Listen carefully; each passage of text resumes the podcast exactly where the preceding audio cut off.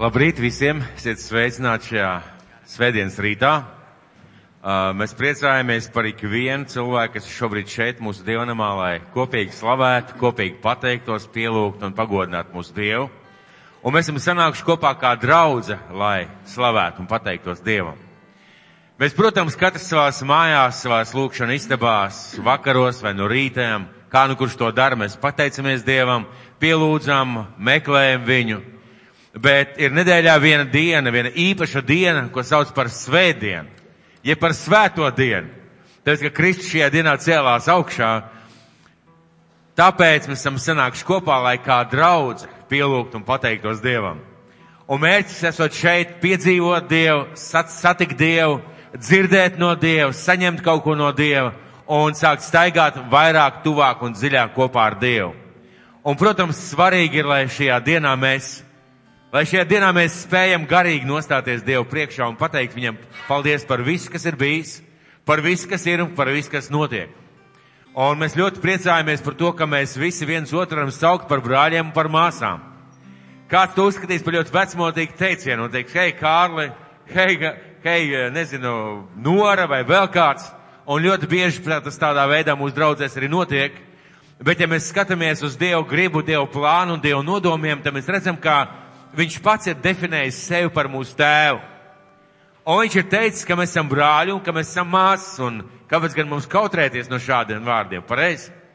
Jo pasaulē viss mainās, bet šīs lietas noteikti nemainās, un mēs esam ģimene, Dieva ģimene cerība, tad esiet sveicināti Dieva ģimenē cerība, kas savās mājās, kas savās garīgajās mājās, kas uh, ciemos, kādā kāds, nu kurā status, kāds, nu kurā, kurā statusā ir, bet katrā gadījumā priecājamies jūs visus redzēt.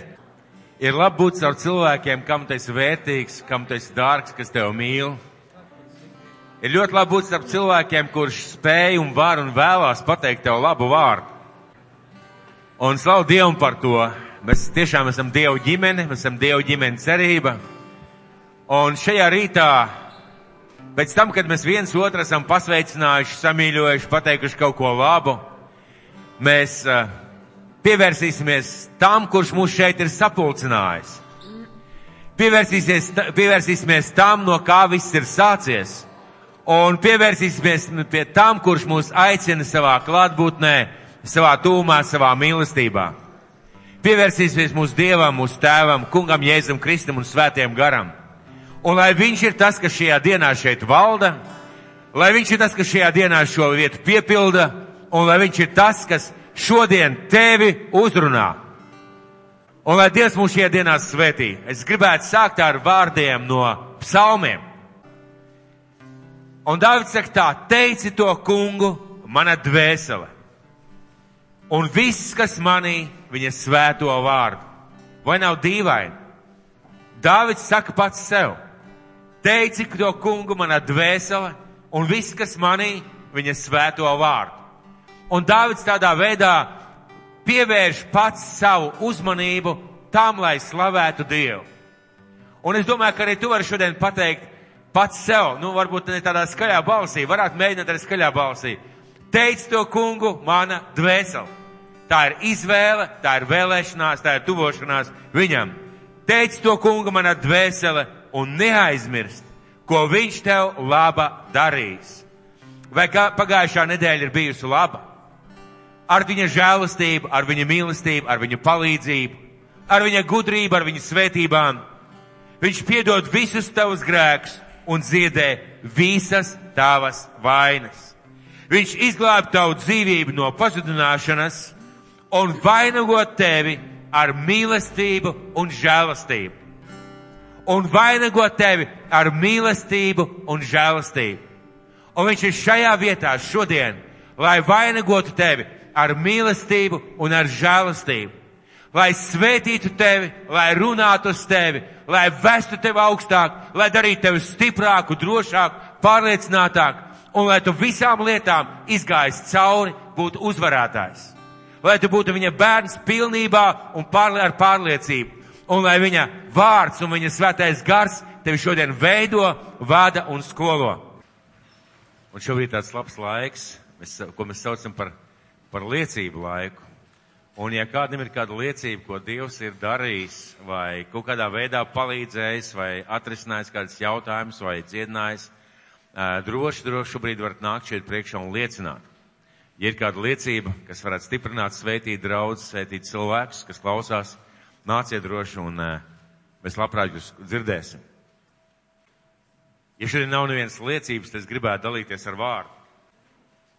Un uh, Es jau vairākus dievkalpojumus atpakaļ slunāju un uh, rādīju un runājām man par to, cik svarīgi ir iepazīt Dievu, kāds ir Dievs. Cik tas ir svarīgi pazīt Dieva sirdi un cik ir svarīgi pazīt Dieva motīvus. Jo var iet baznīcā un Dievu nepazīt, var iet dievkalpojumos un uh, nesaprast Dievu, var, var pat lasīt Bībeli un tā arī nekad neizprast Dieva sirdi, Dieva nodomus un Dieva nolūks. Un ka bez Dieva iepazīšanas mēs runājam par to, ka bez Dieva iepazīšanas pat degot par Dievu, tu vari būt Dieva ienaidnieks. Tas liels paradoks. Vai dzīvot it kā priekš Dieva, bet dzīvot ārpus Dieva gribas. Vai darīt lietas savā, labas lietas savā dzīvē, bet darīt pretēji tam, ko Dievs ir vēlējies, lai tu dari.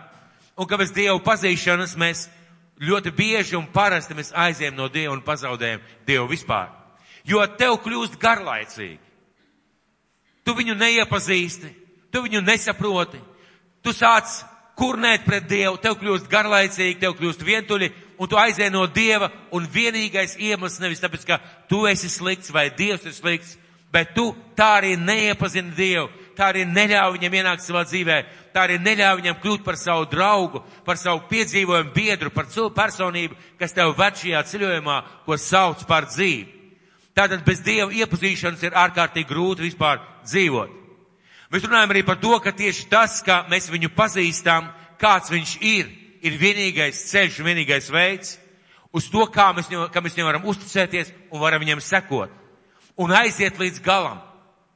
Mīļie, Dievs mūs aicina savā dzīvē aiziet līdz galam kā uzvarētājiem kā cilvēkiem, kuri aug, kuri veidojās, kuri iespaido šo pasauli, iespaido cilvēku sev apkārt. Dievs grib mūs tādus redzēt, un viņš mūs aicina, bet ja tu nepazīsti Dievu, ja tu pazīsti, jā, es zinu, ir Dievs, es zinu, ir Jēzus Kristus, bet ja tu viņu personīgi tuvu nepazīsti, ja tu nezini viņa sirdi, nezini viņa plānus, domas un kā viņš skatās uz lietām, tu ļoti bieži nespēji, vienkārši nespēji rīkoties, kā Dievs būtu vēlējies, un līdz ar to tu palaid garām pārmaiņas savā dzīvē un palaid garām arī svētības savā dzīvē.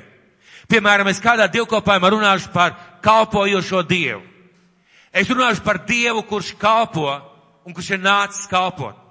Un šodien desmitiem, simtiem cilvēku sēž savās draudzēs un viņi kalpošanu uzskata par smagu nospiedošu lietu, ko tā kā negribās darīt vai nevajadzētu darīt. Lieciet man visi mieru.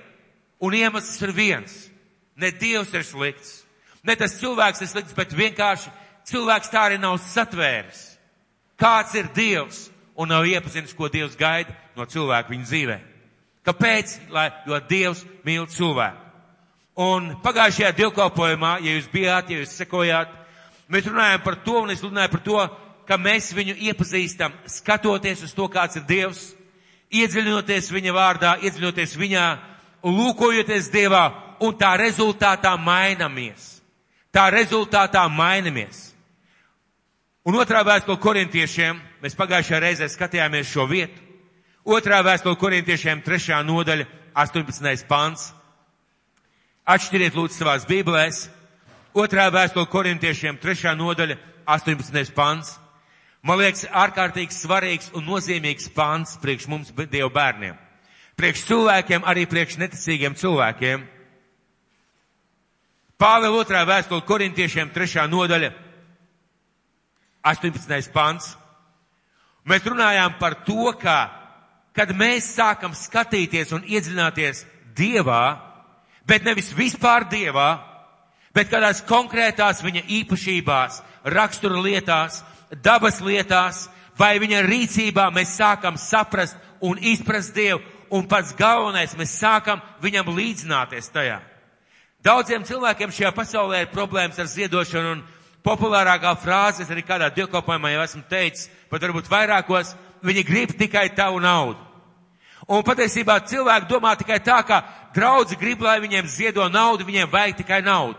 Šie cilvēki nekad nav paskatījušies, cik ļoti Kristus pats ir devis, cik daudz viņš ir ziedojis, lai mēs tiktu izglābti.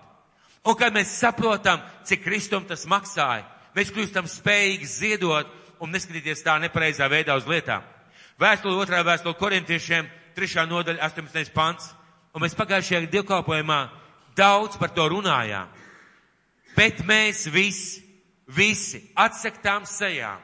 Tad paņēmuši projām savas idejas, savas domas, savus, uh, savus, savu redzējumu par Dievu kādās lietās, spoguļodamies, jeb skatīdamies, iedziļinādamies, pārdomādami tā kunga spožumā, tātad skatoties, kāds ir viņš, topam pārvērsti viņa paša līdzībā. Un vārds pārvērst ir apsolījums.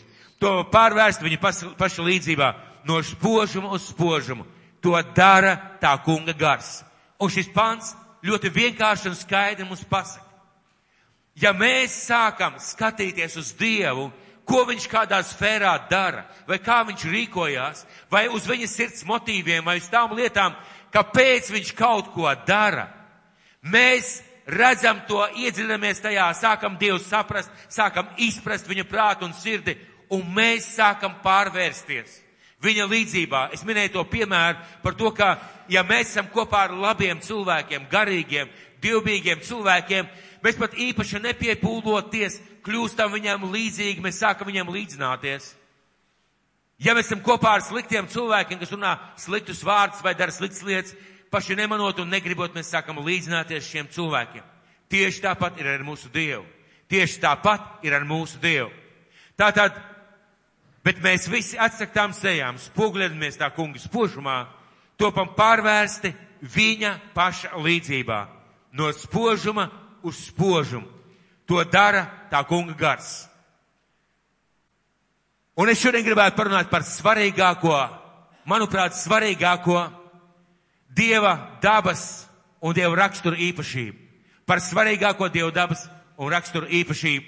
Es jūtu pamudinājumu runāt par, manuprāt, šo svarīgāko sfēru, jeb jautājumu, kas mums būtu jāpiedzīvo un jāsaprot. Esot kopā ar Dievu, klausoties par Dievu, domājot par Dievu, lasot par Dievu, tajā sfērā, ko Dievs pats par sevi atklāja.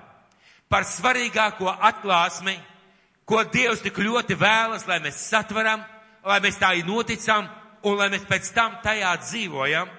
Par atklāsmi, caur kuru viss, ko viņš teicis par sevi, ko aicina darīt un ko aicina nedarīt, kļūst reāls, atdzīvojās un mēs kļūstam spējīgi viņam paklausīt. Par atklāsmi, ar kuru mēs spējam iet cauri visām dzīves vētrām un cauri visām grūtībām. Par atklāsmi, kas Dievu atklāja pavisam citā gaismā, pavisam savādāk, nekā mēs reizēm domājam, skatāmies vai redzam viņu. Par atklāsmi, ka Dievs mūs mīl. Par atklāsmi, ka Dievs mūs mīl, ka Dievs ir mīlestība.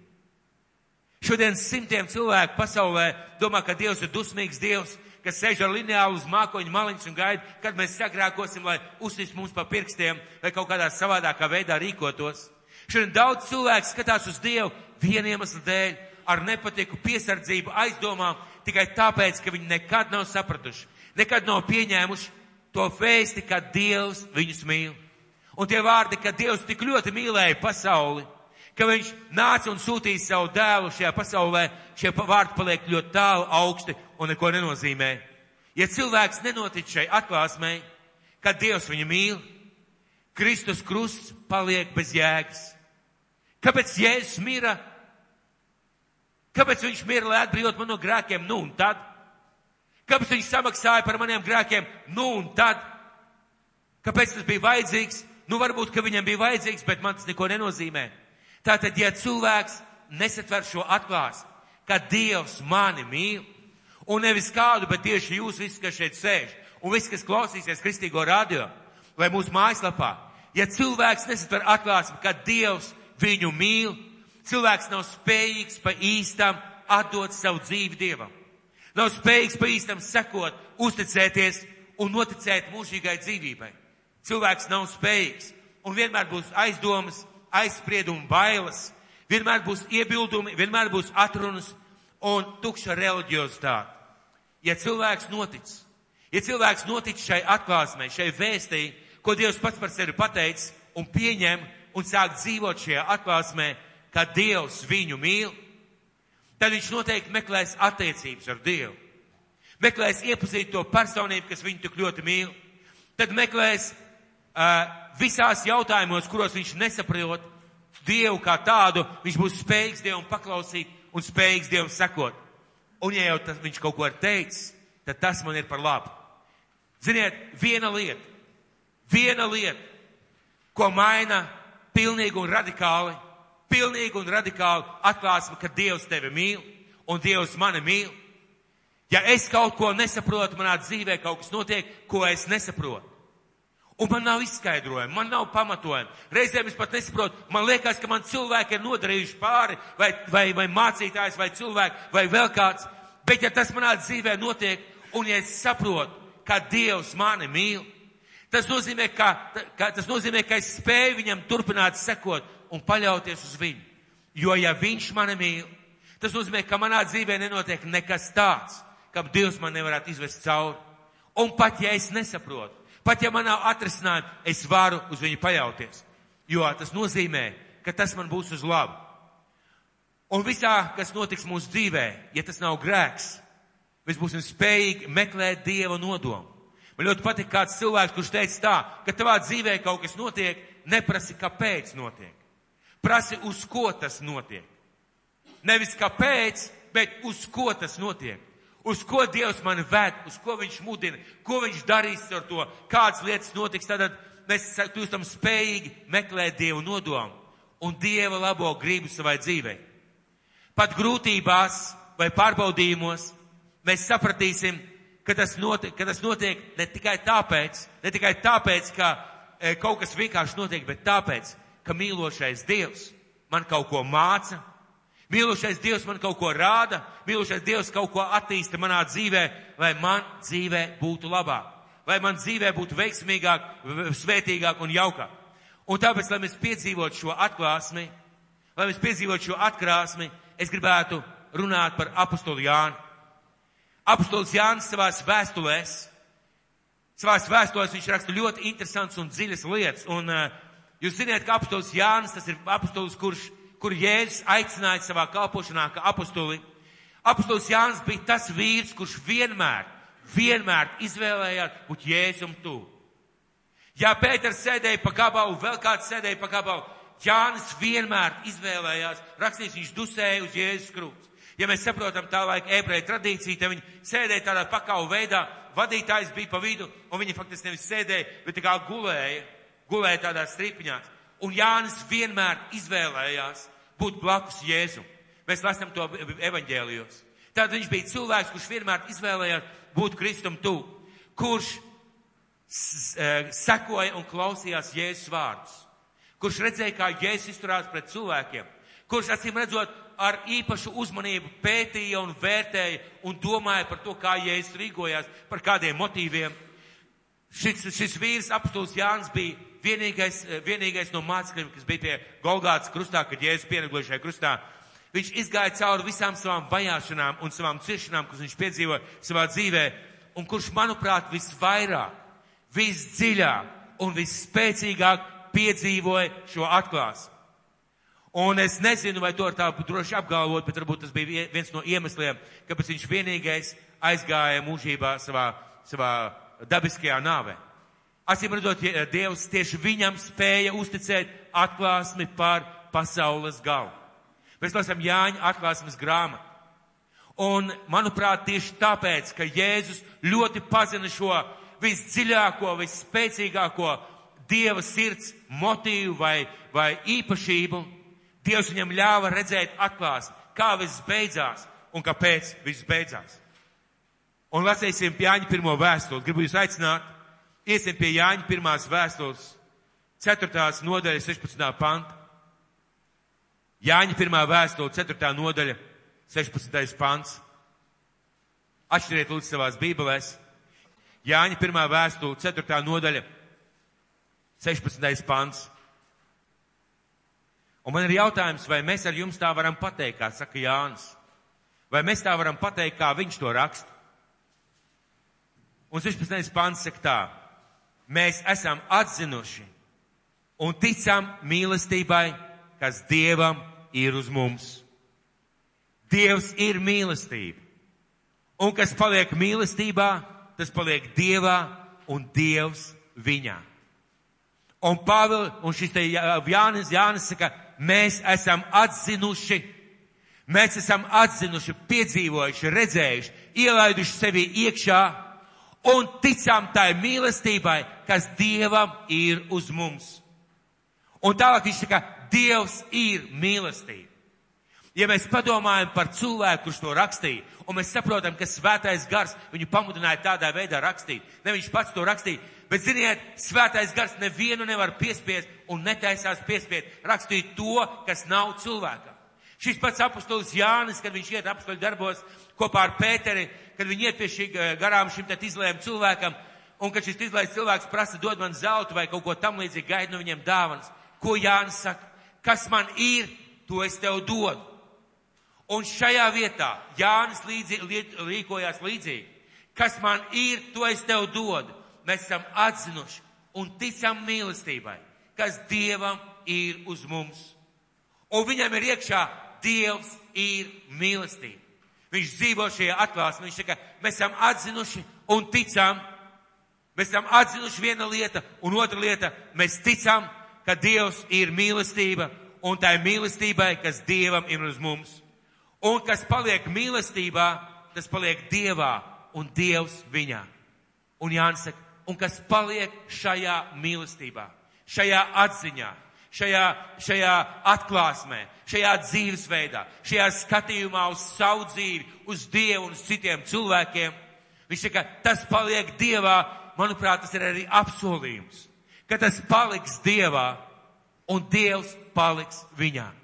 Jo mēs zinām, ka tas pat pašā vēstulē korintiešiem rakstīts, ka bez mīlestības jebkura atklās, jebkura gudrība, jebkurš Dieva spēks nav nekas. Jūs ziniet, eh, Pāvils rakstīja šajā vēstulē eh, korintiešiem 13. nodaļā, ja, ja man būtu pilnīga atziņa un pilnīga gudrība un pilnīga zināšanas, ja es varētu kalnus pārcelt, ja es sevi pats upurētu un atdot savu miesu sadedzināšanai, bet ja man nav mīlestības, tas man nelīdz neniek. Un Jānis šajā vietā saka, Jānis šajā vietā saka, kas paliek mīlestībā, tas paliek Dieva. Kas paliek tajā atziņā, tajā atklāsmē, ka Dievs mani mīl. Tas paliek Dievā un Dievs paliek viņa. Jānis to raksta ar lielu pārliecību. Un 17. pants.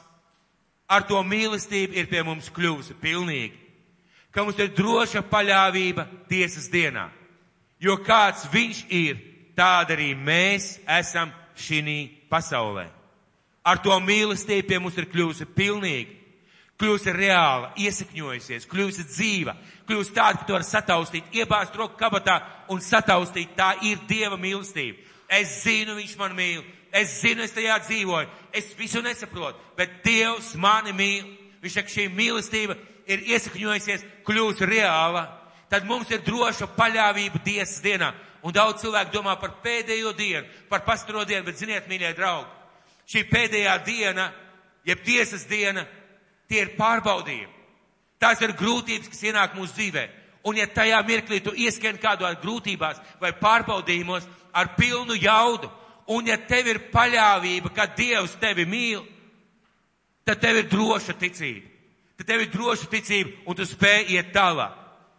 Ar to mīlestību pie mums ir kļuvusi pilnīgi, ka mums ir droša paļāvība tiesas dienā. Jo kāds viņš ir, tāda arī mēs esam šajā pasaulē. Un Jānis šeit saka, ja jūs paliekat mīlestībā, jūs nonākat pārbaudīšanas brīdī, pārbaudīšanas dienā, grūtībās, problēmās, un ja tā mīlestība jūsos ir iesakņojusies, ka jūs zinat, ka Dievs jūs mīl, jums būs droša paļāvība. Un tiem cilvēkiem, kuriem nav drošas paļāvības uz Dievu, vienas lietas pietrūkst. Viņiem pietrūkst ticības, ka Dievs viņus mīl. Ka Dievs viņus mīl. Kāpēc cilvēki neceļās ārā no grēkiem? Kāpēc cilvēki nespēja atstāt grēkus? Kāpēc pēc visādām problēmām cilvēki tā arī tur paliek, aiziet un aiziet no Dieva? Ziniet, viens iemesls - cilvēki nespēja noticēt, ka Dievs viņu mīl. Ja es izdarīju nepareizas lietas, ja es pieļauju kļūdu, ja es darīju nepareizi, es to zinu, es to saprotu, bet Dievs mani mīl. Un viņš palīdz man celties. Viņš palīdzēs celties. Viņš nepriecājas par to, ka es vārtos pa dubļiem. Viņš nepriecājas par to, ka es kļūdījos, viņš par to skumst un bēdāju, bet viņš velk mani ārā. Un viņa mīlestība spēja man pacelt. Un viņa mīlestība spēja man ļaut iet tālāk. Un Bībelē teiks, ka taisnais krīt septiņas reizes. Varētu pajautāt, kas tas par taisno? Septiņas reizes. Iedomājies vienā dienā septiņas reizes. Vai mēnesī septiņas reizes. Varētu domāt, absolūts grēcinieks. Bet ko Bībele saka? Un septiņas reizes ceļās. Tu spēsi piecelties tad, ja tu noticēsi, ka lai kāds to arī nebūtu, Dievs tevi vienalga mīl. Dievs tevi vienalga mīl. Un lai kur tas iekrits, lai kas ir tavā dzīvē, lai kādas problēmas, Dievs vienalga tevi mīl. Kāpēc tam? Kāpēc mēs tam, ka Dievs mūs mīl, varam noticēt? Kā viņš savu mīlestību mums ir, piera, par mums ir pierādījis? Šodien cilvēkiem tādā egoistiskajā, egoistiskajā pasaulē te grūti noticēt, ka kāds viņu vienkārši tāpat mīl. Parasti cilvēki domā tā, mani mīl tad, ja man ir daudz naudas, esmu labs, brīnišķīgs, interesants un jauks. Kā Dievs to pierāda? Kā Dievs to pierāda, vai viņš grib, lai mēs to ieraugam?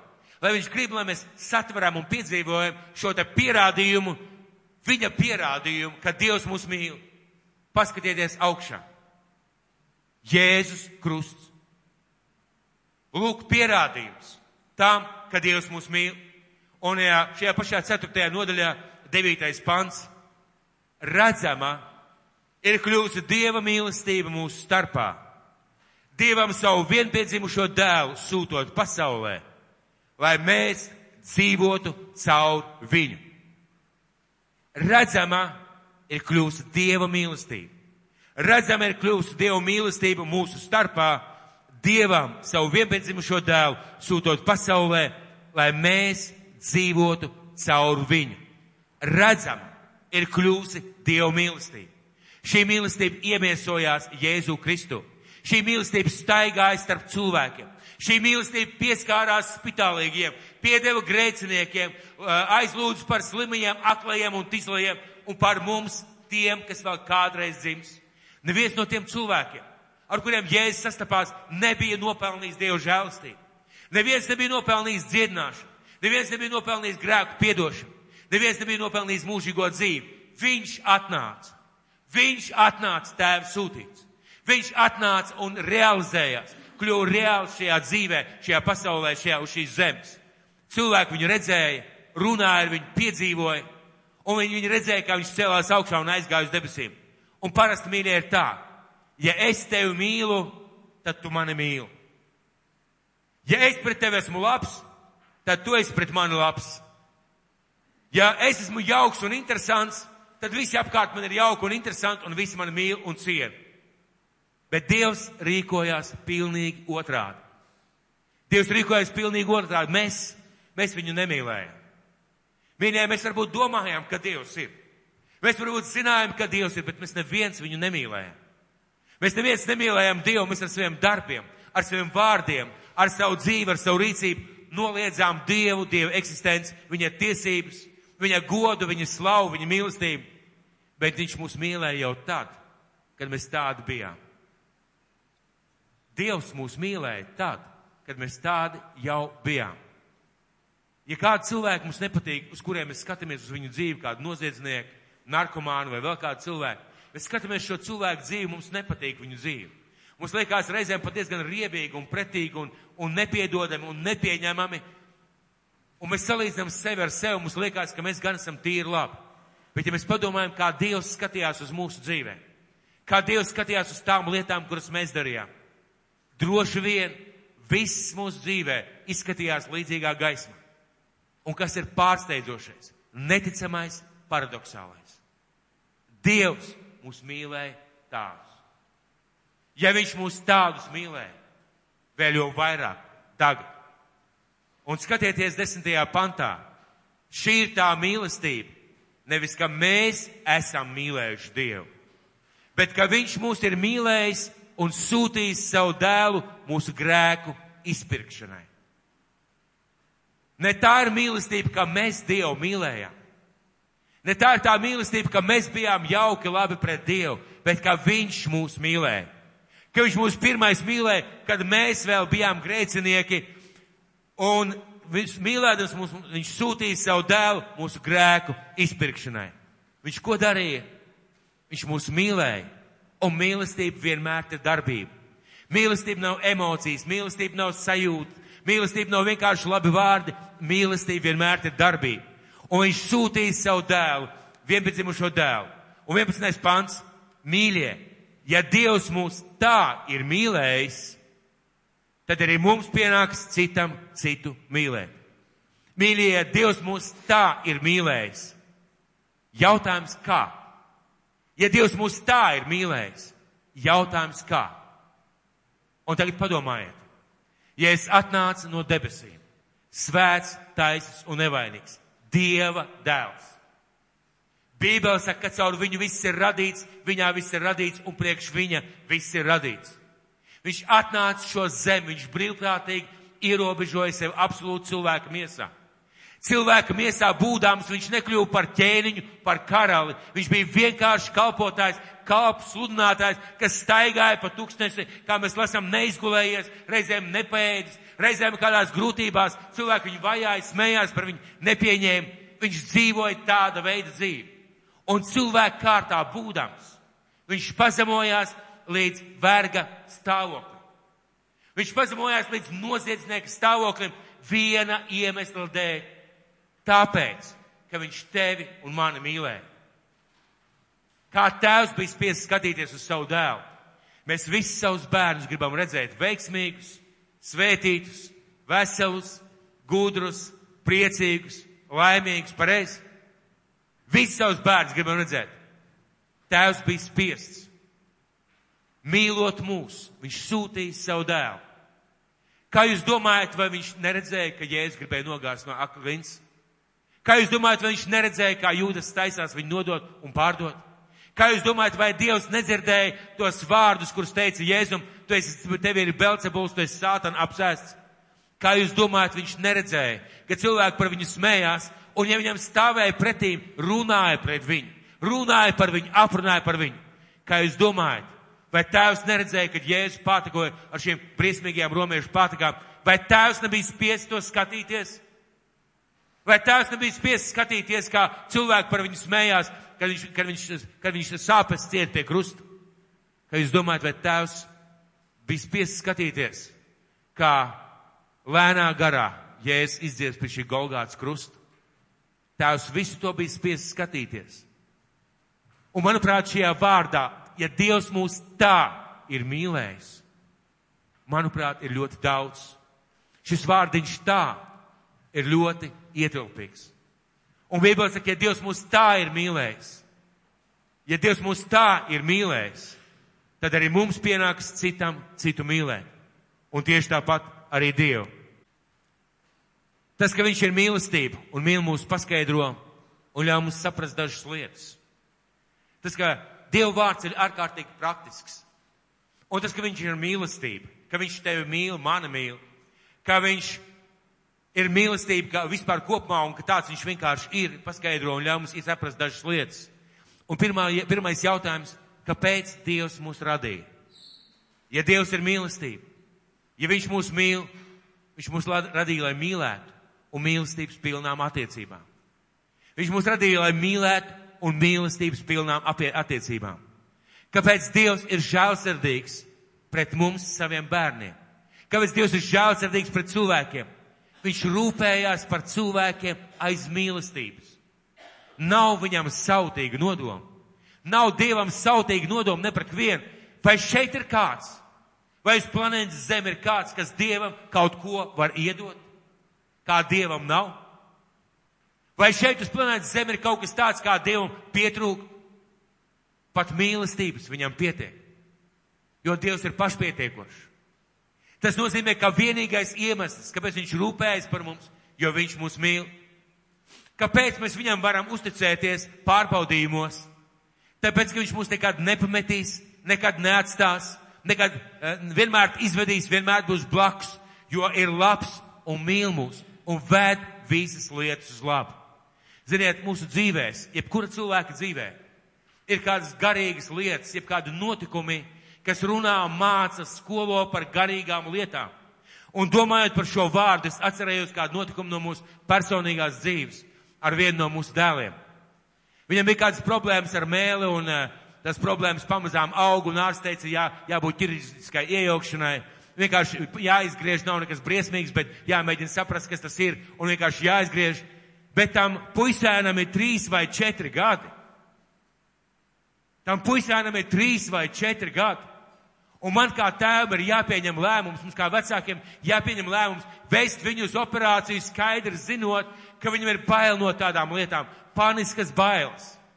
Un mēs bijām spiesti vest viņu pie šī ārsta. Protams, ārsts mierina, nekas nebūs, tur kaut kāda mantiņa vai vēl kaut kas, bet tas bērns jau jūt. Viņš jūt, kas šeit briest. Un es atceros, kā viņš, kā viņš mammai sēžot klēpī, ieķērās manās rociņās un kā viņš kopā ar mammu skaitīja tēvreiz aiz bailēm. Bet ziniet, kas bija? Mēs bijām blakus. Un viņš zināja, ka mēs viņu mīlam. Viņš zināja, ka mēs viņam nenodarīsim pāri. Viņš varēja paļauties.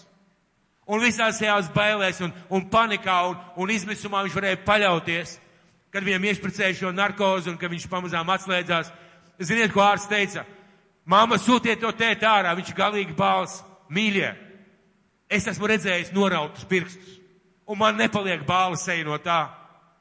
Tajā reizē es paliku bāls, un es vienkārši nevarēju vairs tā, tālāk tur palikt. Man, man vienkārši sirds lūza. Un ziniet ko? Kad Dievs mūs ved cauri kādām grūtībām vai pārbaudījumiem, Dievam ir šīs sajūtas.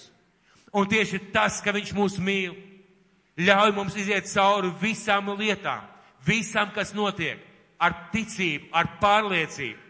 Nereizēm ar izmisīgu cerību, ka Viņš mūs mīl un ka Viņš ir blakus. Un ziniet, Bībele saka, Viņš ir blakus. Viņš mani mīl tādu, kāds es esmu. Tas nozīmē, ka, lai kas notiek manā dzīvē, es varu būt pārliecināts. Viņš mani neatstās. Viņš man nekad nesūtīs ne uz ko tādu, kas man, kas man iznīcinās vai man nodarīs pār tādā veidā, kas nekad nepiecelšos. Tas izskaidro šī atklāsme par to, ka Dievs man mīl. Izskaidro to, kāpēc Viņš pieļauj mūsu dzīvē kādas lietas. Un tieši tāpēc, ka Viņš mūs mīl, Viņš negrib, lai mēs paliekam tādi, kādi mēs esam. Viņš negrib, lai mēs paliekam tādi, kādi mēs esam. Viņš pieļauj mūsu dzīvē grūtības, sarežģījumu, problēmas, un mēs reizēm brēcam uz Dievu. Sakam, Dievs, kāpēc manā dzīvē tas? Kāpēc manā dzīvē tas? Kāpēc citiem iet vieglāk, vienkāršāk, labāk, ērtāk, patīkamāk? Kāpēc manā dzīvē tas? Viens iemesls. Dievs tev mīl. Un Dievs negrib, lai tu paliec tāds pats. Sakiet, vai kāds no vecākiem, vai kāds no vecākiem gribētu, Lai viņa bērns, kuram ir desmit gadi, nemāk vēl staigāt. Lai viņa bērns, kuram ir varbūt 15 gadi, neiet vēl skolā, nemāk rakstīt, nemāk braukt ar velosipēdu. Neviens vecāks negribētu. Kāpēc? Jo vecāki mīl savus bērnus. Un tieši tāpat mūsu Dievs.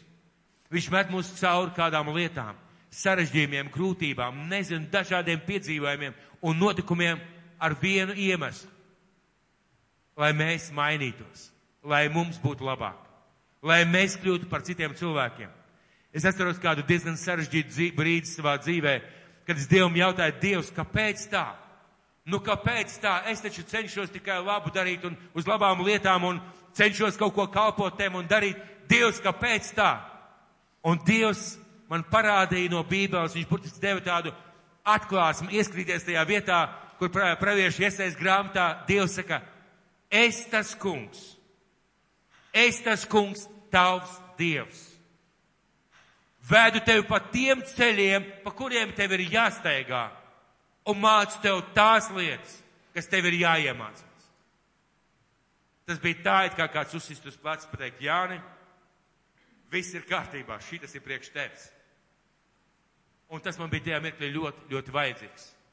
Un Dievs vēlās, lai mēs saprotam, ka Dievs mums vēl tikai caur tām lietām, lai mēs augtu, lai mēs veidotos, lai mēs nobriestu, lai mēs kļūstu gudrāki, spēcīgāki, labāki, lai mēs kļūtu par uzvarētājiem. Kāpēc mums ir brīva griba pieņemt Jēzu Kristu vai nē? Kāpēc mums ir dota brīva griba? Tāpēc, ka mīlestība nekāds sevi neuzspiež. Mīlestība nenāk cilvēku dzīvē ar varu. Viņš gaida mūsu atbildi uz savu mīlestību. Viņš stāv pie durvīm, pie sirds durvīm klaudzina un gaida, kad mēs viņu ielaidīsim. Kāpēc Kristus nomira? Mēs parasti sakām, lai mēs tiktu glābti. Āmen. Lai grēks nevaldītu mūsu dzīvē. Āmen. Lai mēs iemantotu mūžīgo dzīvi. Āmen. Bet galvenokārt, galvenokārt, lai mēs kļūtu spējīgi ieiet šajās mīlestības pilnajās attiecībās. Galvenais iemesls, kāpēc Jēzus nomira, lai mēs varētu pietoties tēvam un ieiet šajās mīlestības pilnajās attiecībās. Un skatoties, skatoties uz Dievu, mēs to varam ieraudzīt un saprast. Kāpēc mēs ticībā uz Kristu iemantojam mūžīgo dzīvību? Kāpēc mēs skatoties uz Kristu iemantojam mūžīgo dzīvību? Kāds teiks, jo Dievs ir mūžīgs. Protams, protams, bet tāpēc, ka mīlestība ir mūžīga. Tāpēc, ka mīlestība ir mūžīga. Un tāpēc mēs iemantojam mūžīgo dzīvību. Lai dzīvot šajā mīlestībā mūžīgi un lai nekad no tās neiziet. Citādi vienkārši tā beigtos. Un svarīgākais, svarīgākais, ko cilvēkiem vajadzētu savā dzīvē piedzīvot, piedzīvot Dieva mīlestību noticēt. Noticēt, ka Dievs mani mīl. Varbūt tu pats sevi nemīli, bet noticēt, ka Dievs tevi mīl. Ka tavā dzīvē kopā ar Dievu notiek viss tikai uz labu. Tikai uz labu tavā dzīvē. Sākt pazīt viņu kā mīlestības Dievu, kā mīlošo tēvu. Skatīties uz viņu, lūkoties, spoguļoties. Ziniet, Dievu valstībā viss notiek mīlestībā ir kāds likums, kas strādā Dievu valstībā. Un šis likums ir mīlestības likums. Un Dievu valstībā viss notiek tikai un viennozīmīgi mīlestībā. Un kāda vieta no Bībeles, kuru mums vajadzēs meklēt mājās pašiem? Tas kungs man parādījās no tālienes. Es tevi mīlēju ar mūžīgu mīlestību. Tādēļ es pret tevi tik uzticīgi esmu saglabājis savu žēlastību. Un šos vārdus, manuprāt, Dievs saka ikvienam. Ikvienam šajā vietā. Es tevi esmu mīlējis ar mūžīgu mīlestību. Vārds mūžīgi nozīmē nekad nebeigsies. Vārds mūžīgi nozīmē nekad nebeigsies līdz pēdējiem tavam elpas vilcienam. Jā, mēs zinām, ka mēs izdarām izvēli šajā dzīvē. Mēs zinām, ka mēs pieņemam lēmumus, ielaist šo mīlestību vai neielaist. Un mēs zinām, ka ja mēs neielaižam šo mīlestību iekšā, vienu dienu mēs viņu pazaudēsim. Bet Dievs saka, es tevi mīlēju ar mūžīgu mīlestību, un tāpēc es tev parādīju savu žēlastību. Un viņa mīlestībā, piedzīvojot šo atklāsmu un saprotot, ka Dievs mani mīl, mēs kļūstam spējīgi pieņemt viņa mīlestību. Redz, tu nevari sevi ielaist iekšā to, pret ko tu turies. Ja tu nenotici, ka Dievs tevi mīl, tu neesi spējīgs piedzīvot šo mīlestību. Jo tev ir jānotic, tev ir jāielaiž, tev ir jāatvarās tam, lai Dieva mīlestība ienāk tevī iekšā. Ja mēs kļūstam, ja mēs pieņemam viņu mīlestību, mēs kļūstam spējīgi mīlēt viņu, mīļēt. Mēs esam cilvēki, un ja mēs sajūtam un saprotam, ka Dievs mūs mīl, mēs kļūstam spējīgi mīlēt viņu. Un vēl ļoti svarīga lieta, kad mēs ielaižam sevī šo mīlestību un kad mēs sākam dzīvot šajā atklāsmē, mēs sākam kļūt spējīgi mīlēt sevi. Viena no traģēdijām šajā pasaulē, ziniet, ir kāda. Cilvēki sevi nemīl. Kad tu pajautā viņiem, kā ta vieta, viss ir labi, viss ir jauki, viss ir skaisti, bet patiesībā cilvēki sevi nemīl. Un mēs kļūstam spējīgi iemīlēt sevi tikai tāpēc, ka mēs pieņemam viņa mīlestību un kad saprotam, ka Dievs mūs mīl Un mēs nemīlam arī cilvēkus. Mēs paši par sevi neesam spējīgi mīlēt cilvēkus, tos labos, jā. Tos skaistos, jā, tos brīnišķīgos, jā, mēs esam spējīgi mīlēt. Bet ziniet, kad mēs kļūstam spējīgi mīlēt visus cilvēkus, kad mēs ieraugam, ka Dievs to cilvēku mīl. Vienkārši neticam. Neticam, paradoxāli, abrīnojami, bet Dievs to cilvēku mīl. Tāpēc atklāsim par to, ka Dievs ir mīlestība. Tāpēc sapratne par to, ka Dievs ir mīlošs Dievs, kura mīlestība nekad nebeidzās. Tāpēc šī te Dieva īpašība, ka Dievs ir mīlestība, ir svarīgāka. Manuprāt, svarīgākā visā tajā, ko Dievs par sevi ir pateicis. Un šodien šeit šajā zālē sēž cilvēki ar nospiestu garu, jo ir slimības, ir grūtības, ir problēmas. Un cilvēki pat nepaceļ savus acis, lai padomātu, bet Dievs mani vienalga mīl. Uz ko tas notiek manā dzīvē? Uz kurien tas ir un kādā veidā tas ir? Šodien šeit šajā zālē sēž cilvēki, kur dzīvē nav kaut kādas lietas pareizas. Un manuprāt, vienīgais, vienīgais, kas palīdzēs tikt tev, tikt tev ārā un man ārā no tā, kas nav pareizi, ir tas, ka Dievs mani mīl un liks manā dzīvē notikumus un situācijas, kas palīdzēs man tikt ārā. Mīļie, skatīdamies viņa jaukumā, kā vēstulē korintiešiem rakstīts, izlasīsim vēlreiz. Bet mēs visi atsaktām sejām, spoguļodamies tā kunga spožumā. Vai Dieva mīlestība uz mums nav spožums? Vai tā nav svarīgākā lieta mūsu dzīvē? Vai tas nav vajadzīgākais, ko mums vajadzētu saprast par Dievu, topam pārvērst viņa paša līdzībā no spožuma uz spožumu? Tāpēc spoguļosimies viņa mīlestībā. Un zinu, lai tā nav vienkārši frāze. Es zinu, ka reizēm cilvēki dievkalpojumos nosēž frāze, atkal frāze, atkal frāze. Pamēģini spoguļoties Dieva mīlestībā. Ja vienkārši skatīties un domāt, Dievs mani mīl. Un tie nav vārdi, tie nav frāzi, tas nav lozums, tā ir patiesība. Tāda pati patiesība, ka šī te ir pults, tāda pati patiesība, ka tev kājās ir kurpes, tāda pati patiesība, ka tev uz galvas ir mati, ja tev vēl ir. Tāda pati patiesība, ka tu elpo, ka tu dzīvo, ka tu esi. Dievs tevi mīl. Un viss, manuprāt, iziet no šīs atklāsmes. Un ja Dievs mani mīl, ja Dievs mani mīl, tas nozīmē, ka Dievs cīnīsies par mani. Ka Dievs ļaus man ieraudzīt lietas, ko es vēl nesaprotu un nezinu. Ka visas lietas, kas manā dzīvē notiks, tā, notiks tāpēc, lai man tas būtu uz labu un lai es tam mainītos. Daudzi cilvēki ir piedzīvojuši, ka viņus izmet no darba Un tad ir liels jautājums, Dievs, kāpēc tā? Ļoti vienkārši. Tas bija veids, kā tikt pie labāka darba. Tas bija veids, kā beidzot sākt savu uzņēmēju darbību. Tas bija veids, kā sakārtot varbūt savu veselību, savus apstākļus, savus attiecības. Varbūt tas bija vienīgais veids, kā panākt to, lai tu sāc skatīties apkārt un vairs neesi tajā, kur tu esi bijis visu laiku. Tik daudz lietas mūsu dzīvē notiek. Es nespēju izskaidrot. Viena lieta. Viņai viena lieta, ko mums būtu jāsaprot pāri visām lietām. Dievā nav nekādas tumsas. Un viņš ir mīlestība. Un viņš mūs mīl, un viņš pierādīja savu mīlestību, sūtot savu vienīgo dēlu, Jēzu Kristu uz šo zemi. Un ja viņš to izdarīja priekš mums, kā viņš nedāvinās mums vispārējās mums vajadzīgās lietas. Tāpēc spoguļosimies šajā atklāsmē. Un es gribētu tev uzdot mājās vingrinājumu. Bet jums katram ir jāapsolās, ka jūs to izdarīsiet. Vai jūs varētu apsolīties paceļot roku?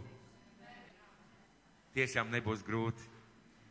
Tie, kas ir ārkārtīgi garīgi, var nesolīties.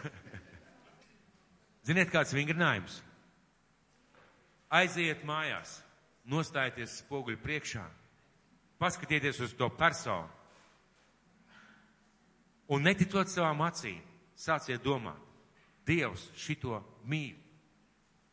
Neticam, bet Dievs viņu mīl. Vai tas būtu grūti, Skarlet? Es gribu jūs aicināt, mīļie brāļi, mās, tiešām izdariet šo vingrinājumu. Jo tas ir veids, kā mēs atdzīvināsim šo vārdu. Tas ir veids, kā mēs tiešām ieraudzīsim, ka nevis Dievs mani mīl un es pats sevi neredzu, bet kad es stāvēšu spoguļu priekšā, skatīšos un domāju, interesanti, par ko Dievs viņu mīl, it kā nekā tāda īpaša nebūtu.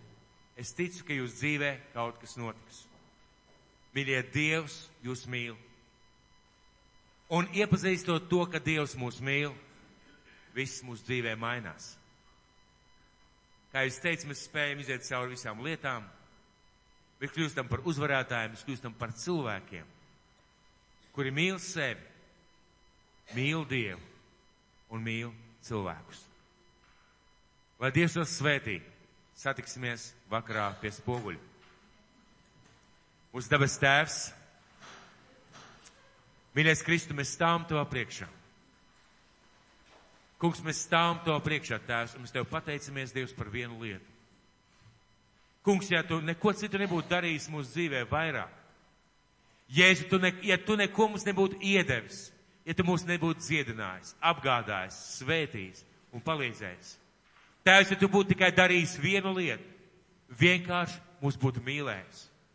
Tikai vienkārši mums būtu mīlējis. Kungs, ar to pietiek. Tēvs, ar to pietiek.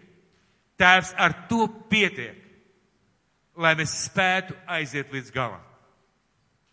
Bet es tev pateicos, Jēzu, ka tu mūs mīli un ka tu maini mūsu dzīves. Ka tu runā uz mums, ka tu mūs veido, ka tu mūs māci, ka tu mūs skolo, ka tu mūs paciet, ka tu mūs panes, ka tu raudi kopā ar mums un ka priecājies kopā ar mums. Tēvs, es tev pateicos par to, ka uz pasaules nav neviena cilvēka, kur tu nemīlētu. Kungs, tas nozīmē, ka šī pasaule patiesībā ir pilna ar tavu mīlestību. Jēzus palīdz to piedzīvot. Kungs palīdz neļaut šai atklāsmei izirt caur pirkstiem, izticēt caur pirkstiem kā smiltīm. Mīļais kungs, palīdz to piedzīvot mūsu dzīvē, ka mēs tā skatāmies uz sevi, uz tevi un uz cilvēkiem. Kungs svētī, ka spoguļodamies šajā tavā īpašībā, šajā tajā lietā, kas tu esi, mēs mainamies no spožuma uz spožu, ka mēs mainamies no mīlestības uz mīlestību, ka mēs mainamies no ticības uz ticību, no paļāvības uz paļāvību Un kungs, tu esi teicis, ka to darīs tavs svētais gars. Kungs, mēs lūdzam un atveram tev savu sirdi un dvēseli. Kungs, svētī mūs. Svētī mūs ar šo atklāsmu un palīdz tēvs tajā dzīvot. Jēzus Kristus vārdā. Dievs, tu esi mīlestība. Un tu mūs mīli. Un paldies tev, tēvs, par to. Tava dēla Jēzus Kristus vārdā. Āmen.